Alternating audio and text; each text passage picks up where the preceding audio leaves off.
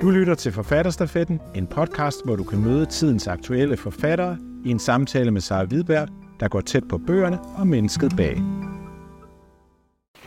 Jeg har fået en enorm lyst til at tage til Andalusien, efter jeg har været i øh, Alcalat med din roman øh, Vindens øh, Port, ja. som er det nyeste, du har skrevet, Anne-Katrine Ribnitski. Ja. Og øh, jeg er jo nysgerrig for at vide, hvordan finder man på at skrive en roman, der foregår i en øh, borgby i 1300-tallet? Jamen det fandt jeg på, fordi jeg har været udvekslingsstudent dernede, og øh, fik for nogle år tilbage kon- øh, kontakt med min gamle værtsfamilie, rejste ned øh, sammen med min mand, øh, og genså familien, genså byen, og øh, der har man så, siden jeg boede dernede som 15-årig, øh, simpelthen genopført fæstningen op på toppen. Øh, Øhm, og jeg har været der mange gange, der, da, jeg, da jeg læste dernede, øh, gik i gymnasiet.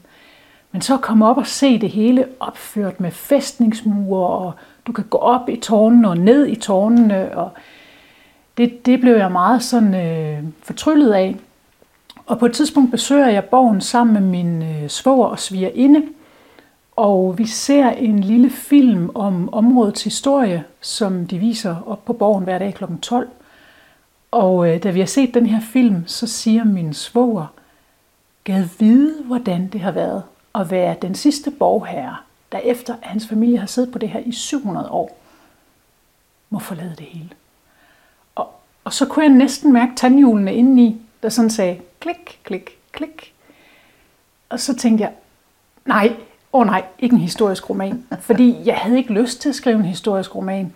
Men, men som dagene gik, så kunne jeg godt mærke, at borgherren han kom langsomt til stede indeni, og jeg tænkte, måske kan man godt. Måske kan jeg godt.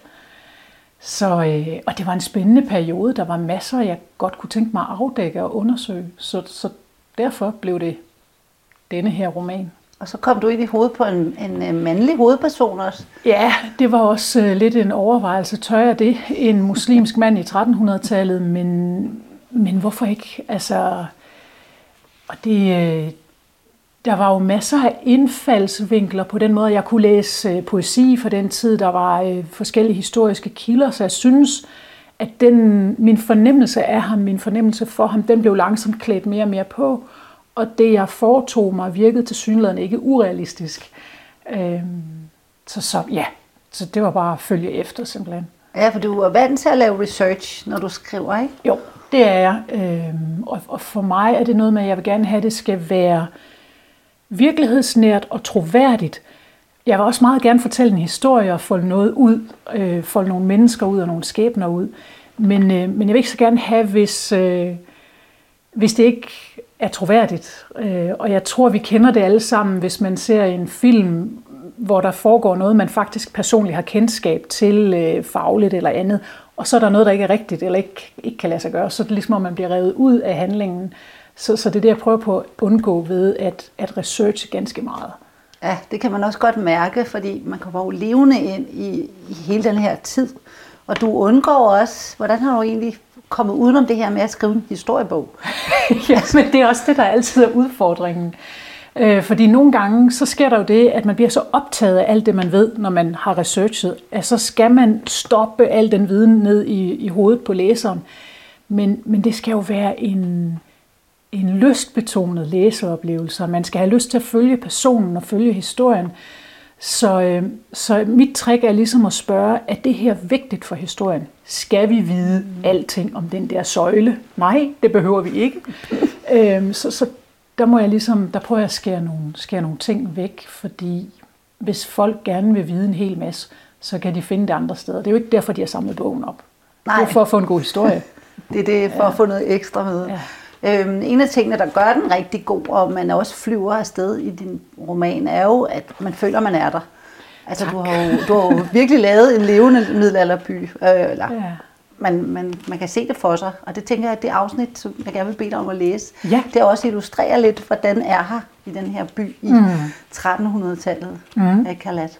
Ja. Det er øh, side 96. Ja.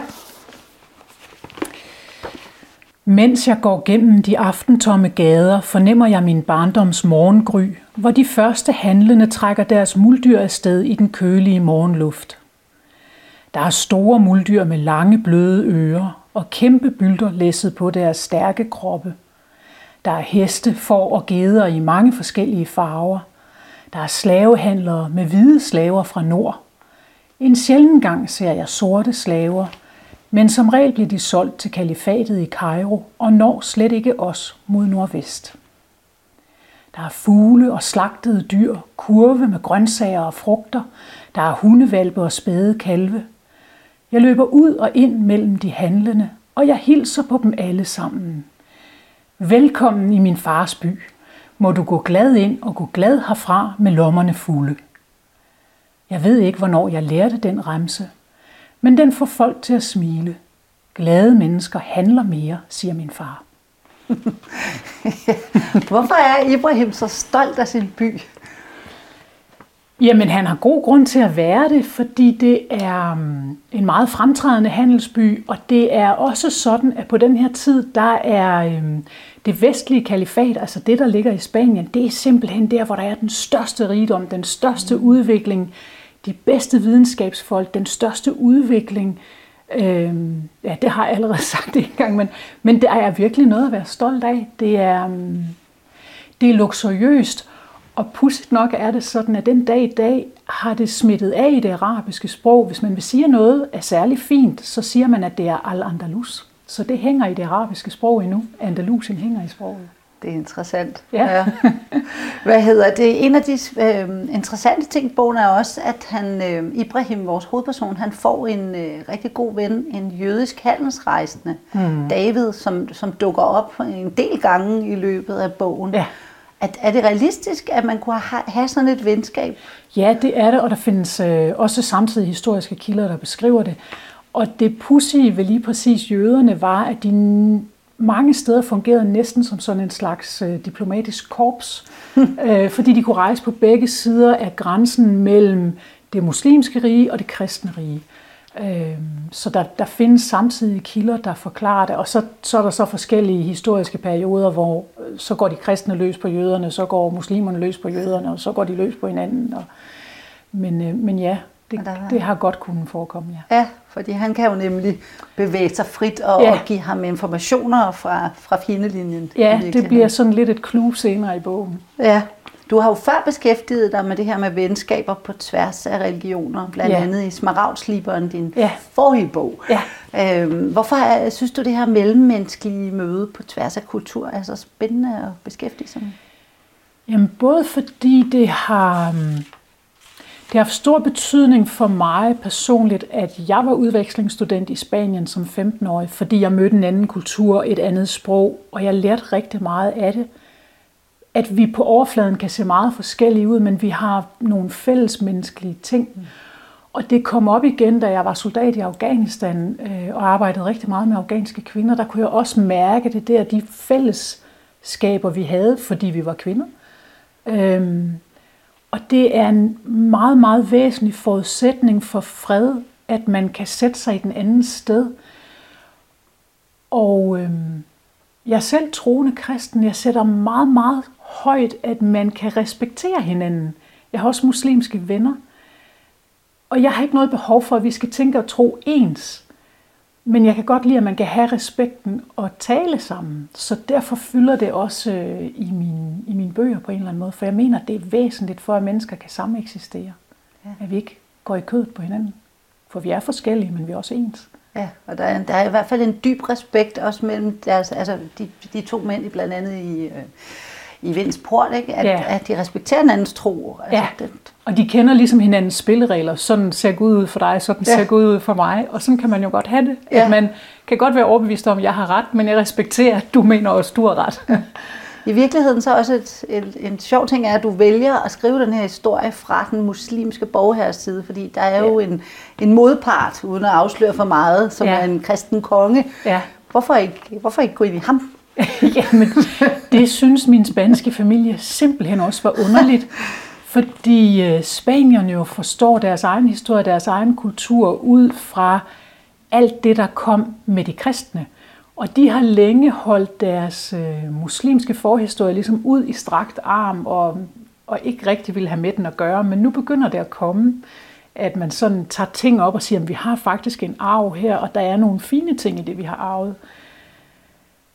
Hvorfor blev det lige ham? Øhm, jeg synes, det var en meget interessant tid, og jeg synes også, at det var øhm, det her med islams guldalder, og hvor nysgerrige og udadvendte de var, øh, og hvor optaget de var af videnskab. Det synes jeg er underbelyst, og øh, måske noget, vi har godt af at vide i dag, at islam har altså også en anden historie, en anden fortid. Øh, det tror jeg er godt at have med sig. Det tror jeg også, du har ret i. Fordi du lægger jo vægten ret positivt, kan man sige. Han bliver beskrevet som et, et, et okay menneske ja. hele vejen igennem. Ja. Der er nogle ubehageligheder, men det hører ligesom til tiden. Ja. Ja. Men, men han er både, han, han kan lide poesi, han øh, er læst, han har ja. et stort bibliotek. Ja, og det var faktisk klassiske dyder dengang. Men, men det er jo også sådan, at når jeg skal skrive en roman, så tager det mig to, to et halvt år. Og jeg orker simpelthen ikke at være i stue med en eller anden dum skid. Så mine hovedpersoner skal gerne være nogen, jeg kan holde af og, og have lyst til at vandre sammen med i, i to år. Ja, det er, jeg synes også, at den formår det, du lige har sagt jo med, at, at hive nogle af de nuancer frem. At, at, altså, der er masser i den bog, som jeg ikke vidste, ja. kom fra, fra muslimsk kultur. Så på den måde, så, så forstår, formår du jo faktisk at åbne nogle porte op med det. Øhm, det er jeg jo glad for. ja, og jeg tænker, at det må være det, der også er missionen ved at, at vælge hans, hans vinkel. Ikke? Ja, det, øhm, det er det nok lidt, ja. Men det her med nysgerrigheden og vidbegæret, som mm. jo er hos vores hovedperson, ja. fornemmer jeg også er hos, hos forfatteren. Er det noget, du, du Ja, altså det er jo, jeg synes jo, jeg har verdens fedeste job, fordi jeg kan jo, jeg kan få lov til at kaste mig over noget nyt, øh, sådan med et par års mellemrum, og virkelig fordybe mig og lære noget nyt. Og det fantastiske er jo også, at når jeg retter henvendelse til nogen, hvad enten det så er et ædelstensliberi i Tyskland, eller det er en arkeolog i det sydlige Spanien, og jeg siger, jeg er romanforfatter, jeg skal i gang med at skrive en bog om sådan og sådan, så bliver jeg jo taget imod med åbne arme, hvor folk siger, jeg vil da gerne vise dig mit fag, det jeg, det jeg kan. Altså, jeg, kan, jeg løber selvfølgelig ind i alle mulige problemer og restriktioner og sådan noget, men, men grundlæggende, så tror jeg, at det, som folk selv er begejstret for, det vil de også gerne vise mig. Øhm, og og det, det er simpelthen så øh, fantastisk at få lov til at dykke, dykke ned i noget og, og åbne det op og lære ting. Øhm, og jeg tror, min begejstring nok er vigtig, fordi den smitter nok også ud igennem siderne. Øh, jeg tror godt, det kan være sådan, at hvis man selv keder sig, så, så, så skal man simpelthen holde op med at skrive. Det er jo en meget god idé, men det er i hvert fald også det, du har gjort i Smaragdsliberen, ikke? Hvor, ja. hvor du kommer i et håndværk, som er meget specifikt. Ja, og en ret lukket verden, men, øh, men med lodder og trisser og forskellige små... Øh, ja, altså nogle gange er det også held, at det så simpelthen lykkes, ikke? Og det... Øh, jeg kan godt lide det der med at få lov til at kravle ind i noget og åbne noget op. Jeg, jeg synes, at, at rigtig mange ting er meget spændende, hvis man får lov til at lære dem at kende og få lov til at åbne dem op.